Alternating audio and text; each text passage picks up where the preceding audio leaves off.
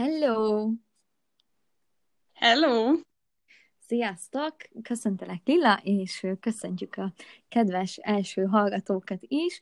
Ez itt a Láthatár nevű podcastünknek az első bemutatkozó epizódja, és most gyorsan összefoglalnám, hogy mire fog szólni ez a, ez a sorozat. Igazából 21 éves korvinuszos lányokként arra gondoltunk, hogy hogy sokszor szeretünk kibeszélni különböző témákat különböző művészeti alkotásokon keresztül. Igazából nem arra kell gondolni, hogy itt komoly művészet elemzés vagy művészet történet ti beszélgetések fognak következni, hanem sokszor van az az életünkben, hogy jön egy, látunk egy jó filmet, látunk egy jó bármilyen művészeti alkotást, igazából vagyunk egy koncerten, vagy, vagy meghallgatunk egy beszélgetést művészekkel, vagy híres emberekkel, és, és nagyon szeretjük ezeket kibeszélni utána, és arra gondoltunk, hogy ez lehet, hogy másnak is érdekes lehet, ezt majd, ezt majd meglátjuk, és 45 perces részeket tervezünk, körülbelül két hetente jelennének meg ezek az epizódok. Most ezt így nem ígérjük meg, ö, ilyen kis új esküvel, vagy bármi, de, de így tökre szeretnénk ezt, ehhez tartani magunkat, de, de sokszor ez lehet, hogy kicsit hektikusabb lesz, mert ö, mi is ilyenek vagyunk, de, de majd meglátjuk. Egyelőre ez a terv.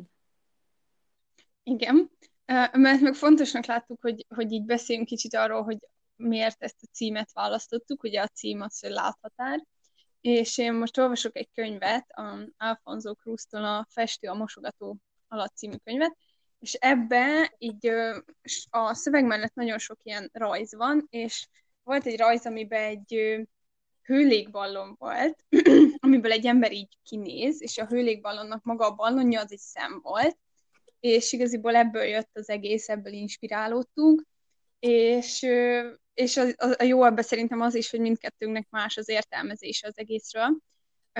Én elmondom az enyémet, Anna meg a sajátját. Én úgy érzem, hogy amikor Annával beszélgetünk, akkor utána nagyon sokszor ilyen más látószögbe látjuk a dolgokat, mert sokszor teljesen különböző a véleményünk a dolgokról, és igazából ezért is gondoltuk, hogy elkezdjük ezt a podcastet, mert hát ha másnak is segítünk abban, hogy más látószögbe lássa a dolgokat, és ez az, ez az egész láthatár hőlékballonos elképzelés, ez az, hogy, hogy ilyenkor egy kicsit máshogy nézel a dolgokra, nem, nem a szokásos hétköznapi módon. Igen, a, az én gondolataim erről pedig azok, és megpróbálom így jól megfogalmazni, de igazából az jut eszembe erről a szóról, hogy, hogy ugye vannak, vannak így az embernek gondolatai, és mindig vannak ennek ilyen periférikus területei, illetve vannak olyan részek, amikről így gondol valamit, van, van valami érzésvilága valamilyen témával kapcsolatban, de, de azt így igazából nem mondja ki hangosan, vagy nem ö, beszéli ezt ki magába, és így nem áll össze teljesen, csak így a fejében vannak kis, kis foszlányok, illetve érzések egy adott témáról.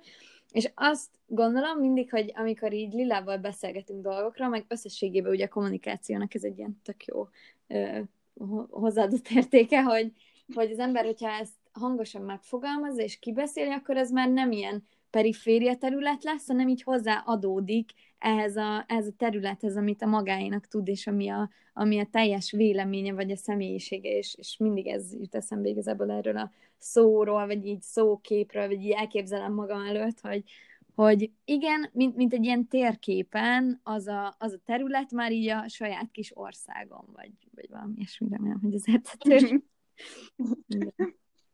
igen. És hát most terveztünk egy kis uh, szegmenst, amiben kicsit bemutatjuk magunkat. Én úgy érzem, hogy én nagyon béna vagyok ezekben az ilyen, főleg egyetemen ugye nagyon sok tanár alkalmazza ezt a mondj valami érdekeset magadról, akkor most mutatkozz be, és valahogy ezeket annyira erőltetettek érzem, és annyira nehezen megy valami értelmeset ilyenkor mondanom, hogy ki gondoltuk ezt, hogy igaziból kérdezgetünk egymástól kérdéseket, és arra válaszolunk, és azokon keresztül egy kicsit talán megismertek jobban minket. Így van, és akkor jönnék én az első kérdéssel, amit majd mindketten meg fogunk egyébként válaszolni. ez pedig az, hogy mi volt az első benyomásunk így egymásról, illetve most jelen esetben így rólam. Igen. Hát szerintem ez azért érdekes, mert sok embernek szerintem az első benyomása az ugyanabban a találkozásból származik, nekünk meg mind kiderült nem. Én, én nekem az első ilyen benyomásom annáról, hát onnan származik, hogy mi egy diák szervezetben voltunk a Corvinusom, és hát az első ilyen, ilyen tábor alkalmával, ezek ilyen több naposak voltunk, elmentünk valahova és ott aludtunk. Az első éjszaka egy kicsit erős a sikeredet, hogy úgy mondjam. igaziból másnap én ott kicsit így ápoltam onnan is a bármét. Vittem neki finom levest, és nem tudom miért, de valahogy én jobban bírtam, pedig szerintem nem, nem fogyasztottam kevesebb alkohol, de igen, és nem tudom, nekem, nekem ez tök érdekes, mert szerintem ezt még nem is mondtam, de így tökre az volt az első véleményem róla, hogy így azt ezzel a csajjal de jó barátok lennénk, vagy hogy így de lennék a barátja, és így tudod, ott volt a, a barátnőd, a Fruzsi, és így kicsit így néztem, így féltékenyen, hogy ilyen tök jó barátok, és én lennék ilyen jóba vele. Ez nagyon jó, ezt azért hozzá kell tenni, hogy a Fruzsival már ismerjük egymást egy fél életet, szóval... jó, ezt nyilván ott nem tudtam.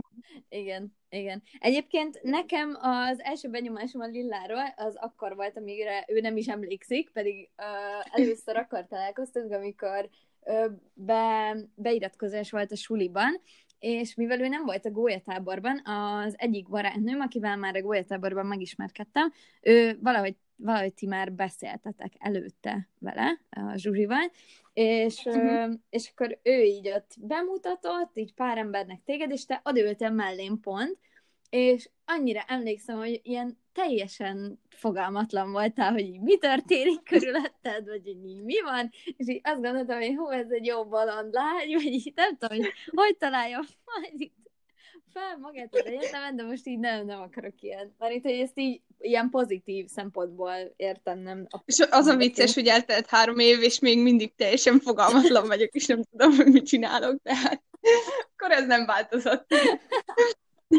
igen, igen, de utána abszolút el, ö, felhoztad magad még a pozitívhoz képest is, amikor ö, ét nappal látéve hordtad hozzánk a levest, és ja. gondunkat viselted a, a frutával. Az, az életmentő volt, úgyhogy köszi Lila ezen, ez, ezúton is, ez, ez segített. Segített ahhoz, hogy most itt vagyunk.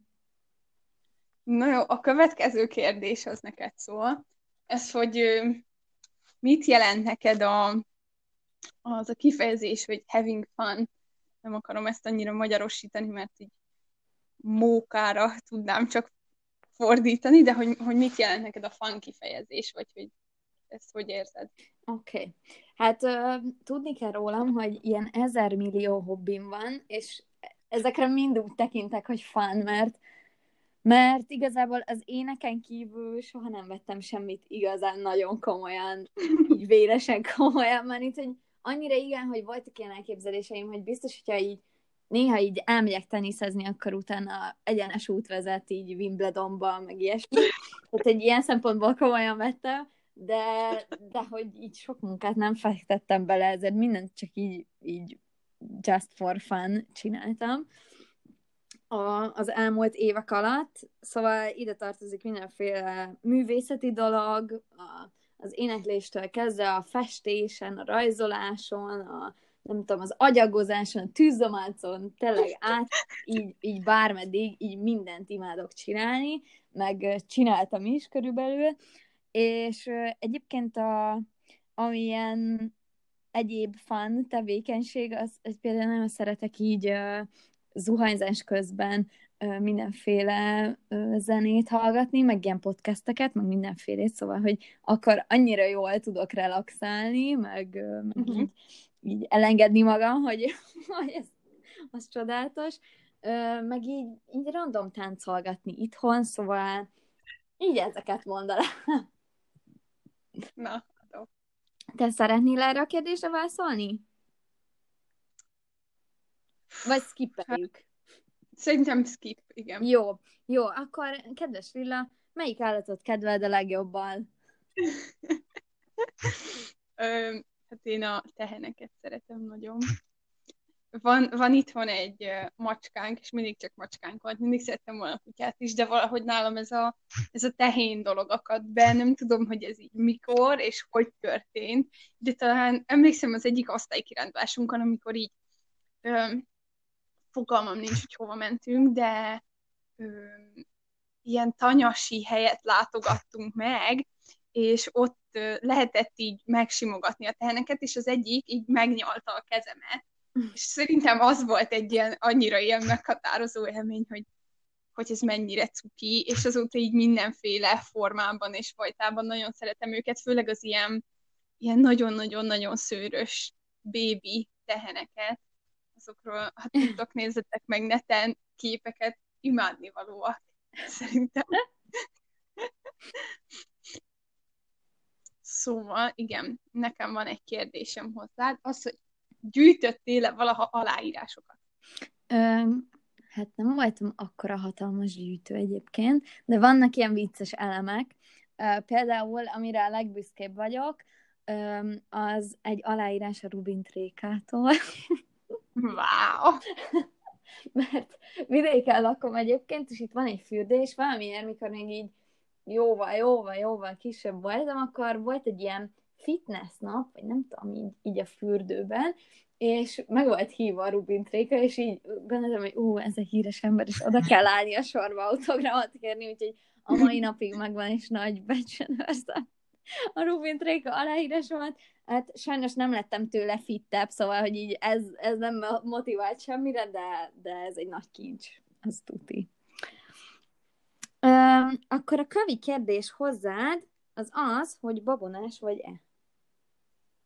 Mm, Szerintem nem, egyáltalán nem, de ezzel kapcsolatban van egy jó sztori, mert ő, bátyám, ő, kicsit, nem tudom, hogy az az-e, de nagyon emlékszem arra, amikor egyszer hazajött, és mondta, hogy ő olvasta, hogyha, hogyha megölünk egy pókot, az nem tudom hány év bal szerencsét jelent, és, és ez annyira megragadt bennem, hogy nem is a bal szerencse része, hanem az, hogy bátyám ugye jóval idősebb, nem 12 évvel idősebb, és mindig ilyen felnéztem rá, és mindig ilyen nagyon menőnek gondoltam, és hogyha ő mondott valamit, azt így nagyon-nagyon komolyan vettem, és azok után így soha nem, nem mertem megölni egyetlen pókot se, a mai napig se. Inkább így addig szenvedek, míg ki nem rakom őket a házból, vagy kitobom az ablakon, vagy valami, de nem, nem, nem, nem bírom így szétnyomni őket. Milyen fáj.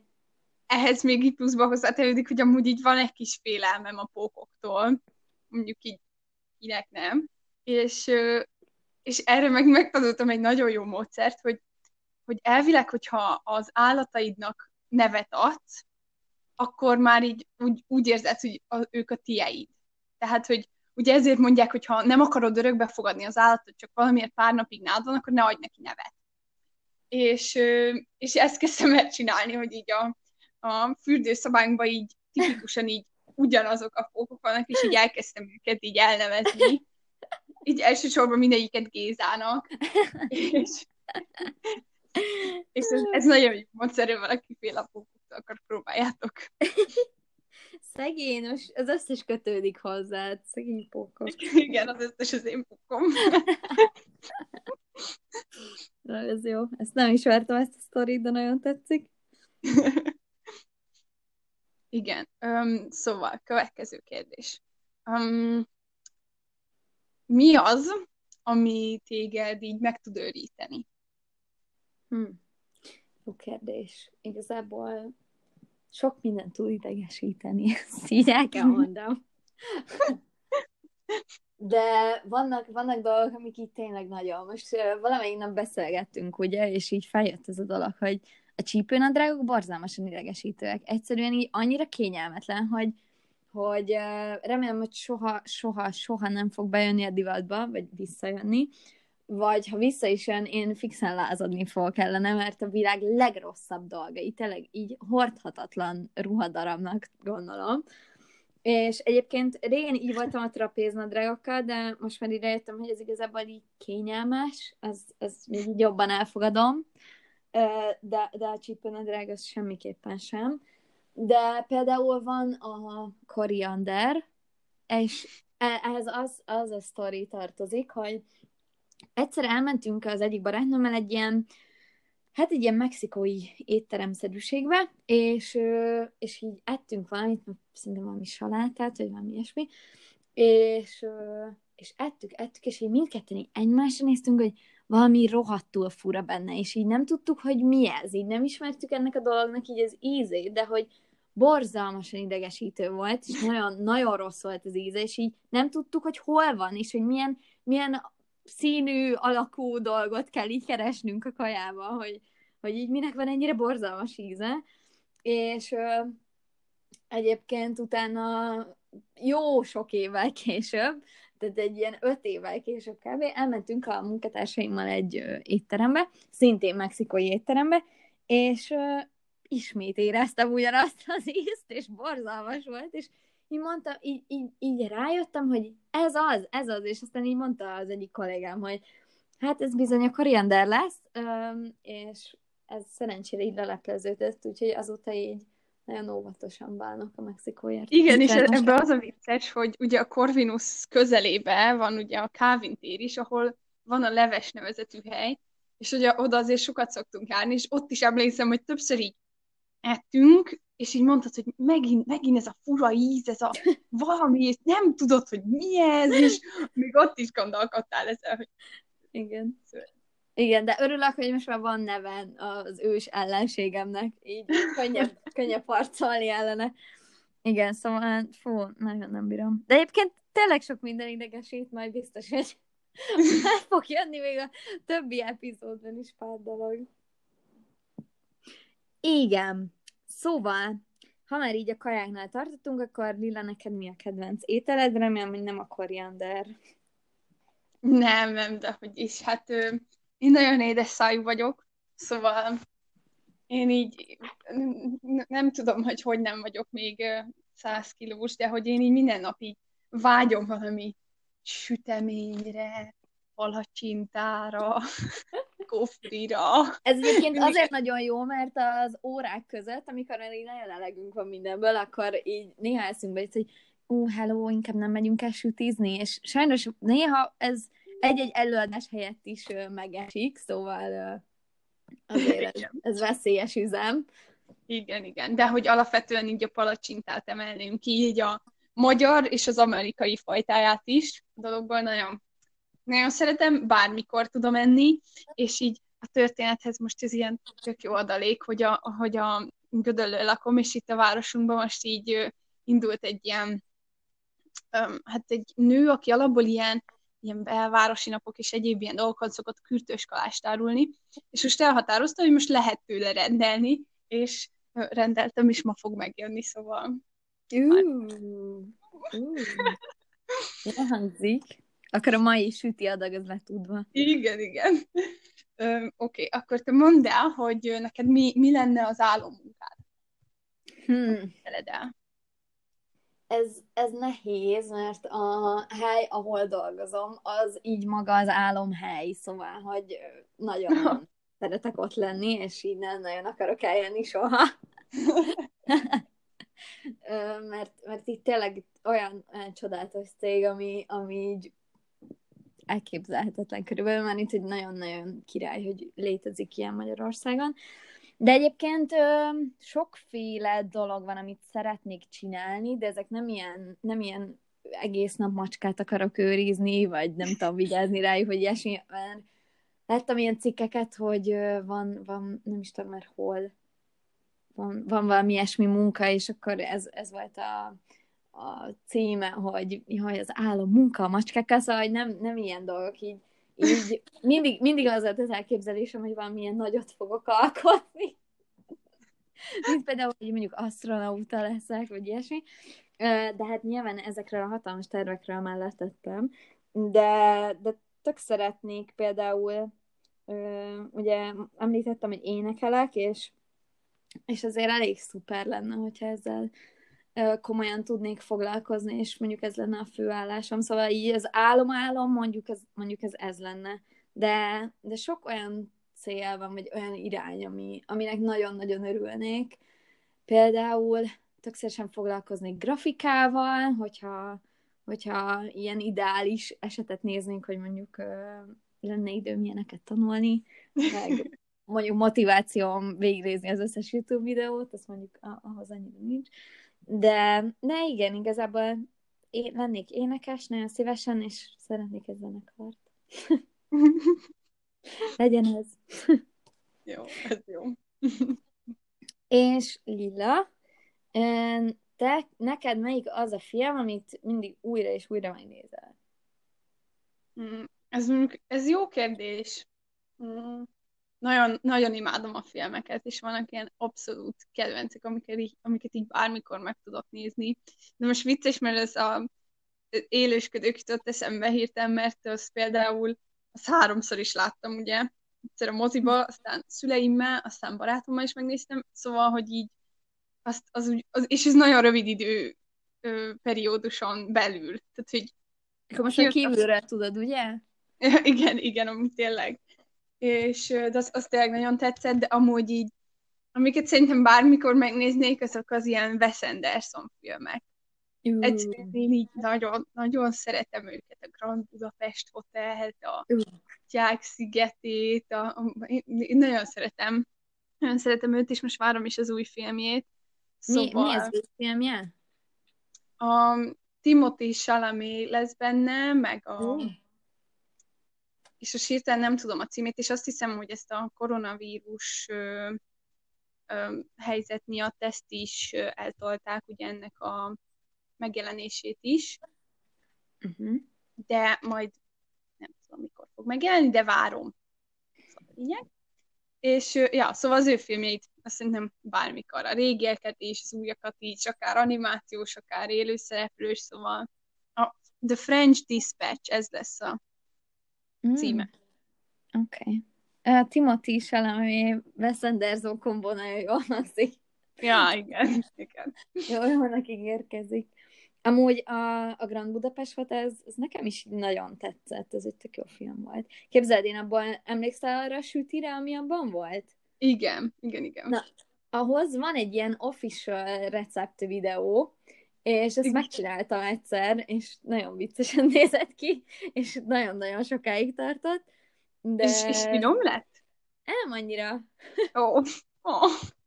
Igen, hogy ezt, ez, ezt így tudni kell, hogy én régen mindig azt gondoltam, hogy így tök jól sütök, és hogy ez nekem így nagyon jól megy, ezt ilyen 12-3 év korom körül képzeljétek el, és, és aztán mindig borzalmas lett. Egyszer csináltam egy sajtortát, amiben annyi keményítőt raktam, hogy így, így tehát nem lehetett vágni utána.